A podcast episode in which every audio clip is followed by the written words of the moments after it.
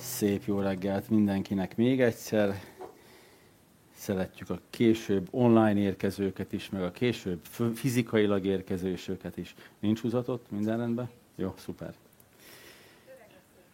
Teljesen jó. Uh, Isten szíve 11. rész, ugye a sorozatunknak a 11. részénél vagyunk, és így most uh, vége felé közeledve, mondjuk 60-70 százaléknál tartunk, elárulom nektek, hogy volt néhány célja ennek a sorozatnak. Hmm, ugye ez meglepő, hogy volt célunk vele. Némelyiken remélem lassan kezd már mindenkinek megérkezni. Az egyik dolog az az volt, hogy ha úgy tekintünk a tíz parancsolatra, mint Isten szigorú szabályrendszerére, akkor mindannyian elbuktunk minden pontjába. Remélem így a hatodik, hetedik parancsolatok környékére ez megérkezett. Ha úgy érzed, hogy bármelyik parancsolatban te nem buktál el, akkor én buktam el a tanításomban. Csak az a kérdés, hogy melyik parancsolatban buktunk el többször, melyikben kevesebbszer. Jelentősége nincs egyébként, mert a törvény alapján, ha bármelyik parancsolatban csak egyszer is elbuktunk, halált érdemlünk. Ilyen egyszerű a történet. Ugyanúgy, mintha tízmilliószor buktunk volna el abban a parancsolatban, vagy akár az összesben. A másik dolog, ami a cél volt, az az, hogy, és remélem, hogy Isten szíves sorozatunknak az üzenete megérkezett, hogy ez Isten szívéből származó parancssolatok.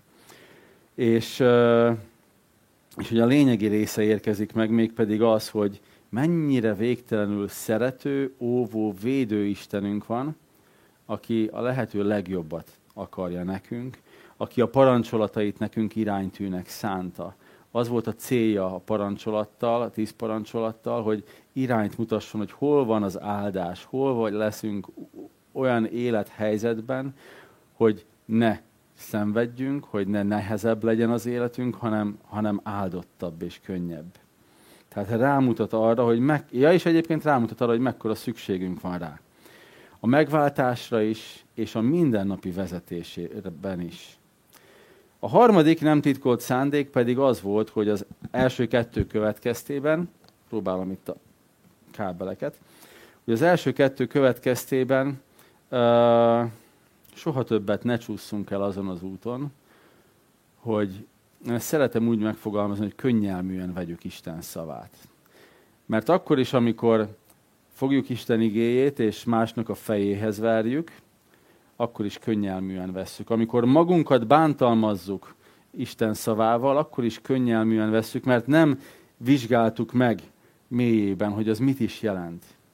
Isten legritkábban akar ostorozni bennünket a szavával. Fedni lehet, hogy. Rámutatni arra, hogy szükségünk van rá, lehet, hogy. De soha nem arra használja, hogy agyon csapjon bennünket vele. Nem ütlegelésre, képmutató, vallásos álkeresztény viselkedésre van az ő szava, hanem Krisztust követő, Isten szerető és imádó emberek számára táplálék biztatás, erősítés.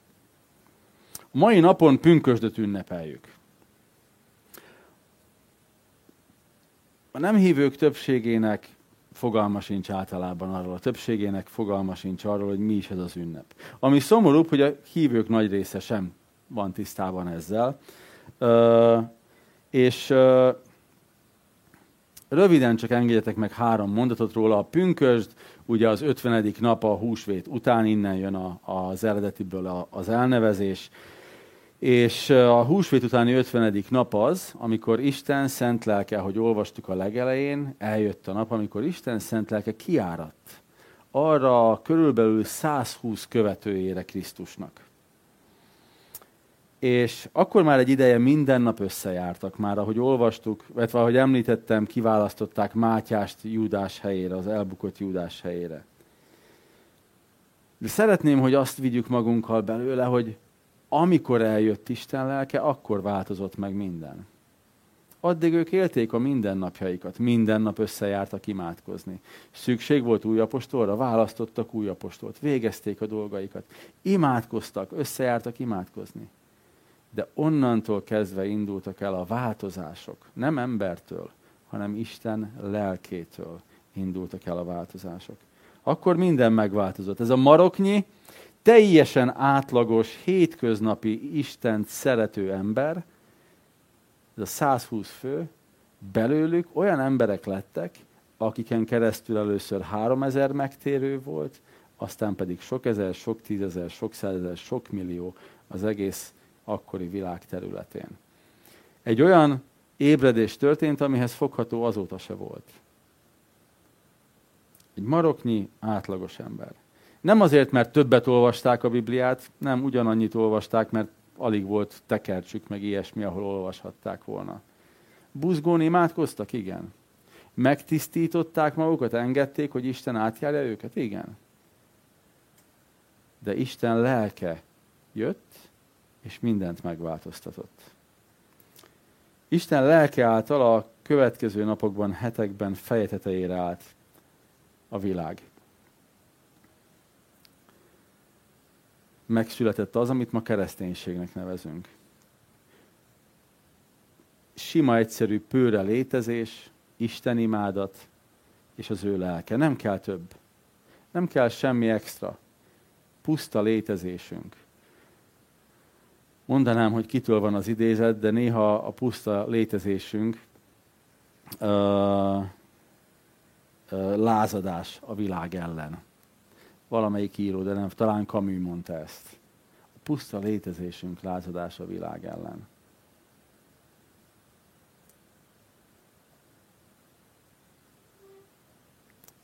Mindezt pedig összekötném ma a hatodik parancsolattal. Annak is a lelki vonzatával. Ugye mi a hatodik parancsolat? Nem baj, ha nem tudjátok szám szerint, sőt, talán még jó is, mert akkor nem az van, hogy pipálom ki, hogy miben védkeztem és miben nem. Ugye a hatodik parancsolat az, hogy ne paráználkodj. Hogy jön össze a ne paráználkodj meg a pünkösd? Hogyan jön ide a ne paráználkodj? Számszerűsítve az ötödiktől a nyolcadik parancsolatig vannak azok a parancsolatok, amik az ember és a közösség közötti viszonyokat írja le Isten szemszögéből. Ne lopj, ne ölj, stb. Ne paráznák, stb. stb. És mindegyikben benne van az, hogy nekünk ezzel feladatunk van, és felelősségünk van a másik felé, és önmagam felé is. És ne paráznák, hogy minimum kétféle értelmezése van ennek a parancsolatnak. Egyébként a fordítás nem a legjobb, uh, itt sem, mint a ne őjnél is, ugye mondtuk, hogy a ne gyilkolj az jobb lenne, a ne paráználkodnál jobb fordítás lenne a ne törj szövetséget, tehát ne törj szövetséget, vagy ne törj házasságot. És innen már a két értelmezés ki is jön, a ne törj házasságot, ugye a ne paráználkodj e, e, házassági vonzata, a ne törd meg a szövetséget, az pedig ugye simán igaz Izrael és Isten, illetve a mi és az Istennel való kapcsolatunkra. Erre a parancsolatra, a ne törj házasságotra, a ne paráználkodj, tehát a, a ne törj házasságot vonzatára, a mózesi törvény nagyon sok kivételt hoz. Ezekről majd jövő héten többet beszélünk kulturális kivételekről van szó többnyire. A házasság szövetségéről most csak annyit, hogy rengeteg célja mellett a szellemi oka, rengeteg célja, haszna, stb. stb. mellett, a, a szellemi célja az az, hogy rámutasson arra a szövetségre, ami Isten és ember között van. Ember és ember közötti szövetség, ami rámutat arra a célra, ami Isten és ember között születik. Ha már erre mutat a házasság szövetsége. Vizsgáljuk meg ezt egy kicsit mélyebben. Az első, amit itt gondolhatunk, hogy hogy van ez összefüggésben a, az egyház és Isten törvényel, az az, hogy nem le, volt valami szó erről ott az első meg a második törvénynél, hogy ne legyenek más isteneid, ne csinálj magadnak faragott isteneket. Nincs itt áthallás? De van. De simán van. Ezért talán lehetne itt is például azt mondani, hogy valójában csak kilenc és fél parancsolat van, mert ez a része ez már ott ki lett fejezve. De azért itt ennél többről is van szó. Azt mondja, hogy ne legyen más istened, ne csinálj magadnak faragott képet, stb. stb. Ne törd meg a szövetséget, azaz ne hoz olyan döntést, ne hoz te olyan döntést, amivel az Istennel való kapcsolatod bizonyos részeit a kapcsolaton kívülre helyezed. Más megfogalmazásban Istennek nem volt szüksége a szövetségre az emberrel. Nekünk volt szükségünk, az embereknek. És azért adta, emlékeztek, remélem a legelején is beszéltünk erről, hogy ha jól emlékszem, hét vagy nyolc szövetséget kötött összesen az emberekkel. Különböző stádiumokban. Mert az embereknek az elköteleződéshez szükségük van ilyenre, ahhoz, hogy komolyan vegyenek dolgokat. És Isten mindent beletett az utolsó szövetségbe, ugye a saját fiát is adta. És a szövetségnek része az, hogy figyelj, én vagyok az Istened, én elég vagyok mindenen, nincs szükséged rajtam kívül más Istenre. És akkor, amikor kilépünk ebből a szövetségből, akkor azt mondjuk, hogy nem vagy elég nekem Istenem. Nekem ennél több kell. Nekem egy kicsit más kell. Én, én, én máshogyan akarom a dolgokat, ugye? Ugye itt a párhuzama ne törj házasságot is, nem elégszel meg a házastársaddal, neked kell valami más is, valaki más is. Ugyanezt csináljuk, ezt követjük el Istennel. Azt mondjuk neki, hogy te nem vagy elég nekem. A mindenható, mindentudó Isten, aki a fiát adta értem, nem elég nekem. Egy ki vagyok én hogy ilyet még csak gondoljak is. Hát még hogy tegyek. Az Ószövetségben ez egyértelműbb volt. Más isteneknek áldoztak, azokhoz imádkoztak. Ott emlékeztek az egy meg a kettő királyokat, mikor tanulmányoztuk, ugye külön voltak templomok, meg oltárok, ahova mentek és áldoztak. És volt például az a, a Bálán Bálák, mindig összekeverem ezt a két nevet, szóval az, amelyiknek csecsemőket áldoztak azért, hogy jó időjárás legyen, jó és bő termés, hogy sok pénzük lehessen. Emlékeztek erre, hogy élve elégették a csecsemőket ezért. Talán a legborzasztóbb bálványimádat, ami, ami volt az Ószövetségben. Ha csecsemőt szerettek volna, akkor viszont állatokat, vagy a bőtermésből áldoztak, hogyha meddők voltak, hogy csecsemőjük legyen. Érzitek az ördögi kört ebben? Ezt a becsapást. És, és a zsidók ugye a világban éltek, és azt mondták, hogy oké, okay, Áldozunk a mi Istenünknek, oda visszük a legszebb bárányt, meg a mindent, hogy mi rendbe legyünk vele, de biztos, ami biztos alapon ne logjunk ki a kultúrából, áldozunk ezeknek a bálványoknak is. A legszebb része ezeknek a bálványoknak, hogy nem voltak konkurenciái egymásnak. Kicsit hasonlít egyébként a római, meg a görög istenségekre is, hogy mindennek volt egy istene. És ők nem konkuráltak egymással. Tehát nem volt olyan, hogy a, nem tudom én, a, a termékenységnek volt hat istene, és akkor az egyik olcsóbban adta a termékenységet. Tehát nekem elég volt csak galambot áldozni, amoda viszont többet kell. Nem. Zseniálisan kitalálta ezt az ördög. Volt a termékenységnek, volt a nem tudom, ennek, annak, amannak. És Izrael ezt csinálta. Oké, okay, ide is áldozok, de mi történt idővel? Hát Jeruzsálem messze van. Ezek a az oltárok itt vannak közel. Egyébként is, ami nekem kell, hogy sok pénzem legyen, az itt van közel, megoldom közel okosban. És elfordult a szívük. Elfordultak Istentől. Nem szánták oda az időt, az energiát arra, hogy Istenhez menjenek. És itt lehet párhuzamokat hozni, túl sok ötletet nem akarok adni, például a csendesség és Istenre várás, Á, nincs nekem időm Istenre, hogy majd ő mikor válaszol. Majd én megoldom, ugye? Á, nem járok gyülekezetbe, mert messze van, meg most egy-másfél órát ott vagyok, aztán megint jövök vissza. Mind-mind kihagyott lehetőségek az Istennel való találkozásra. Házi csoportok. Sorolhatnám, tényleg senkit nem akarok így kárhoztatni, de hogy az a lehetőség, az az idő, az a minőség, amit Istennel tölthetnénk, azt mivel töltjük? És miért? Á, nem kell az nekem. Nem vagy elég jó nekem, Istenem, ilyenkor ezt mondjuk. Az új szövetségben Pálapostól beszél ugyanerről. A rómaiakhoz írt levélben, a Galácia beliekhez írt levélben. Több helyen a zsidókhoz írt levélben is van erről szó egyébként. Hogy úgy fogalmaz, mindjárt uh, kivetíti nektek a, a Zoli, a Galatákhoz írt 1.6. Csodálkozom, hogy attól, aki titeket Krisztus kegyelme által elhívott, ilyen hamar más evangéliumhoz pártoltok. Mi volt a Galácia beliek bűne? Visszamentek a mózesi törvényhez. Oké, okay, oké, okay, itt a feltámad Krisztus, köszönjük az evangéliumot, a jó hírt, de biztos, ami biztos, mi azért még áldozunk egy kicsit.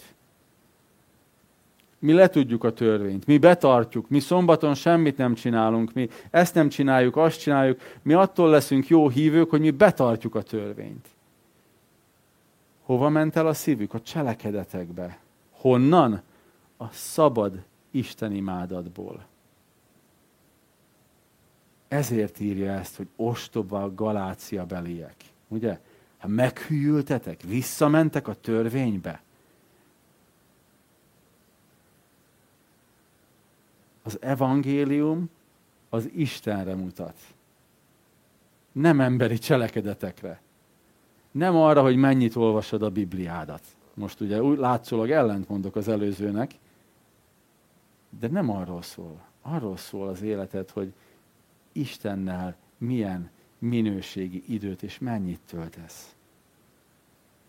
Nem emberről szól, hanem ember és Isten közötti kapcsolatról. Nem arról szól, hogy mennyit szolgálsz, nem, semmilyenről nem szól. Hogy Istennel milyen személyes és mély a kapcsolatod. Ha azt a gondolatot csíped el a saját gondolkodásodban, hogy attól leszek jó hívő, mert valamilyen szabályt betartok. Attól leszek jó hívő, hogy rendszeresen elmegyek Isten tiszteletre. Zárójelben mondom, nem bűn rendszeresen Isten tiszteletre járni. A gond az, hogyha ettől várom azt, hogy jobb keresztény leszek. Attól, hogy a széket melegíted, kenheted a hajadra, nem leszel jobb keresztény. A szívedet odaadtad-e Istennek.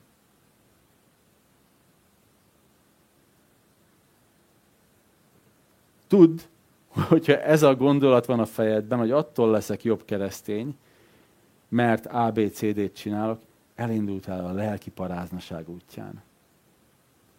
És gyorsan térjél meg, és gyere vissza, hogy atyám, bocsáss meg, itt vagyok, téged csodálok, téged imádlak, elég vagy.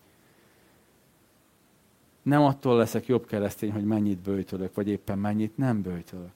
Attól leszek jobb keresztény, hogy téged imádlak attól, hogy téged követlek. Ugye a keresztény azt jelenti, hogy Krisztus követője. Odaszánt élet. Nekem te fontosabb vagy, mint a családom. Fontosabb vagy, mint a barátaim. És itt már át is mentem arra a részre, hogy uh, manapság. Manapság nem áldozzuk fel a gyermekeinket azért, hogy nagyobb fizetésünk legyen. Senki se áldozta fel a csecsemőjét, ha jól tudom a gyülekezetünkből, égő áldozatként és ez rendben is van. De vajon amikor azért vállalunk túlórát, azért vállalunk második, harmadik állást, hogy legyen nagyobb házunk, meg stb., akkor nem ugyanazt csináljuk, mert akkor nem látjuk a gyerekeinket felnőni. Ne értsetek félre, nem arról beszélek, amikor szükség van arra, hogy többet dolgozunk, hogy egyáltalán túléljük a hónapot. Nem erről beszélek. Hanem arról, amikor a karrier elviszi az emberek szívét.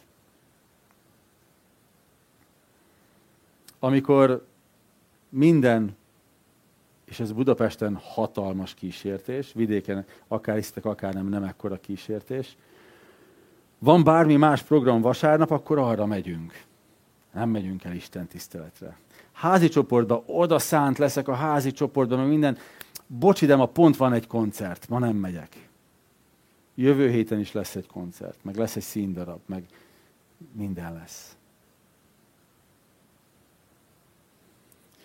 Több lelkészsel beszélgetek mostanában, és azt mondják, hogy az odaszánt hívő, az csodaszámba megy.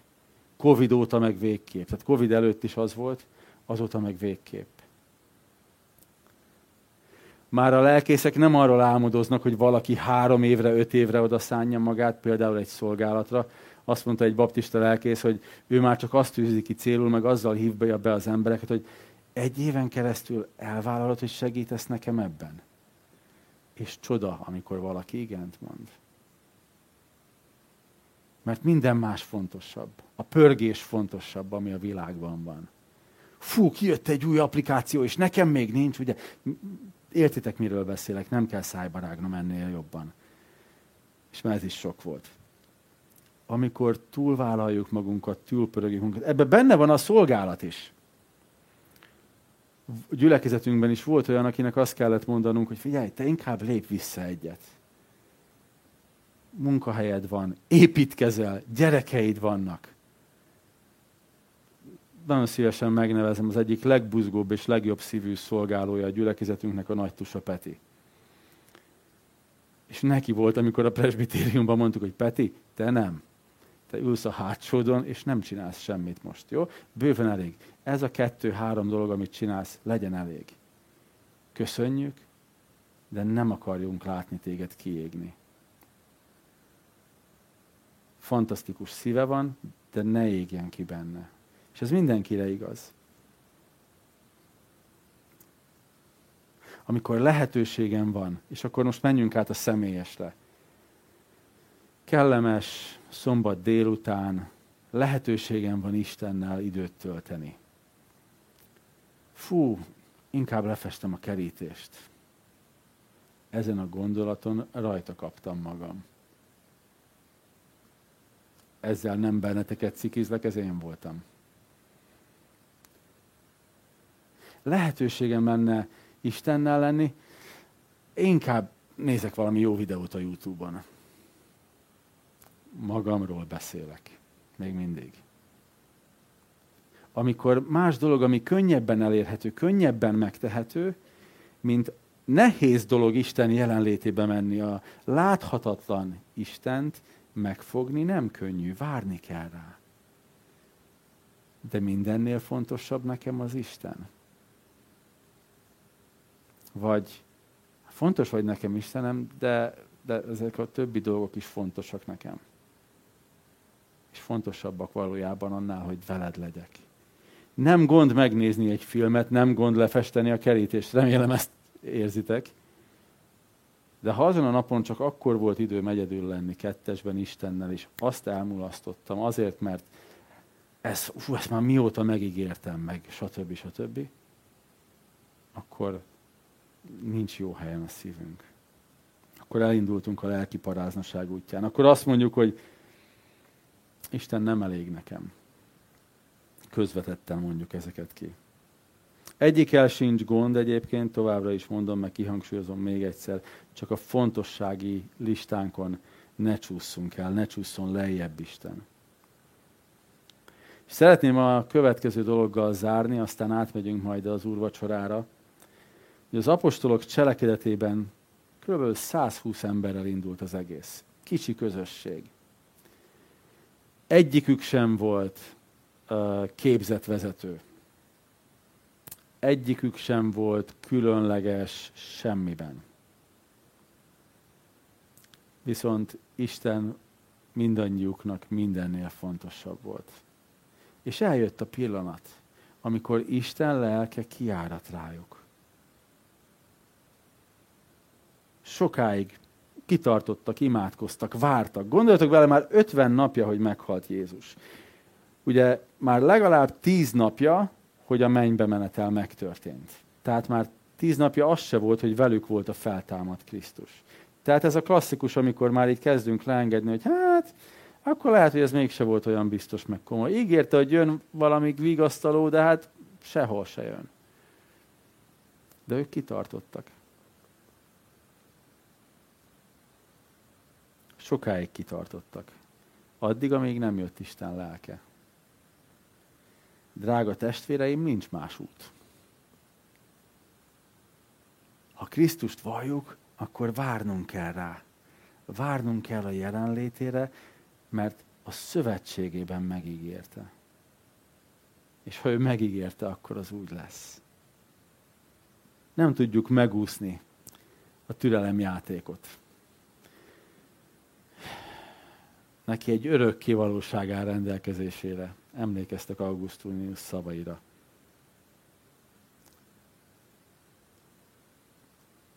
Kapcsolódjunk rendszeresen Istenhez.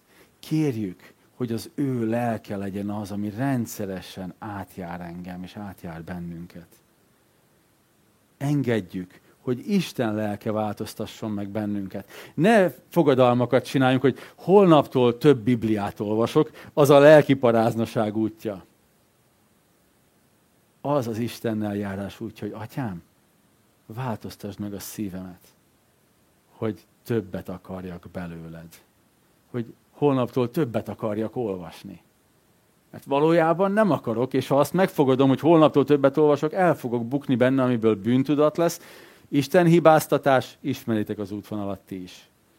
Vagy ismertek olyat, aki már elesett ilyenben. Legalább van ilyen ismerősötök barát, barátnő, ugye? Ez az út. Engedjük meg, hogy Isten lelke változtasson meg bennünket. És utána járjunk ebben a megváltozott lélekben. Abban is kell majd a kitartás, az se egy csettintésre fog történni. Ott is kell majd az, hogy atyám, meddig még? Itt vagyok, haragszok, mert nem válaszoltál még, meddig még? Mikor fogsz válaszolni? De akkor már a megváltozott lélekkel, engedve, hogy Isten munkálkodjon bennünk, és megválaszoljon kérdéseket, tudunk haladni.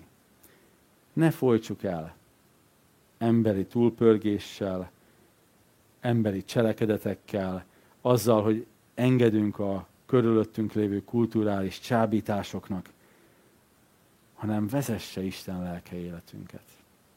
Amen. Most dicsérni fogjuk Istent, aztán pedig úrvacsorát veszünk, és erre a szövetségre fogunk emlékezni.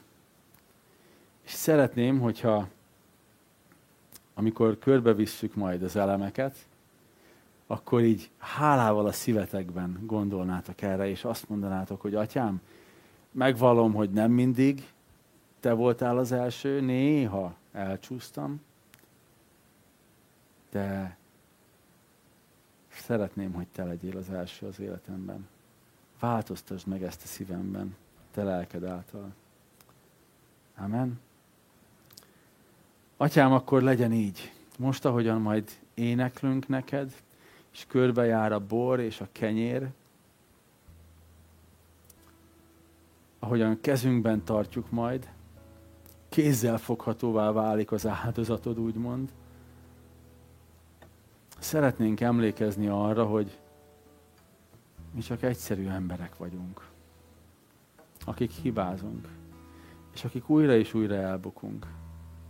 És igen, csábító a világ csábítása, csábító a család nyomása, csábító a barátok vonzása, csábító a munka, a helyi sikerek lehetősége. Annyi minden csábít bennünket, és vonz el bennünket attól, hogy veled legyünk.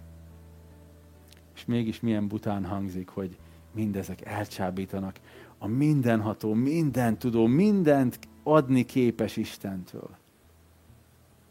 De atyám, itt vagyunk előtted. Megvalljuk, hogy ebben időnként elbukunk. Időnként bizonyítani akarjuk neked, hogy de, atyám, én, én holnaptól, majd mostantól, majd, majd tegnaptól. De valójában nem tudjuk, atyám, teljesíteni ezeket.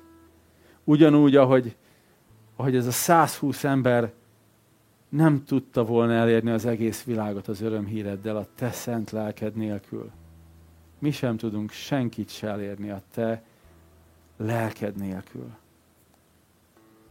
Azért imádkozom, hogy akik itt vagyunk, járjon át bennünket a te lelked.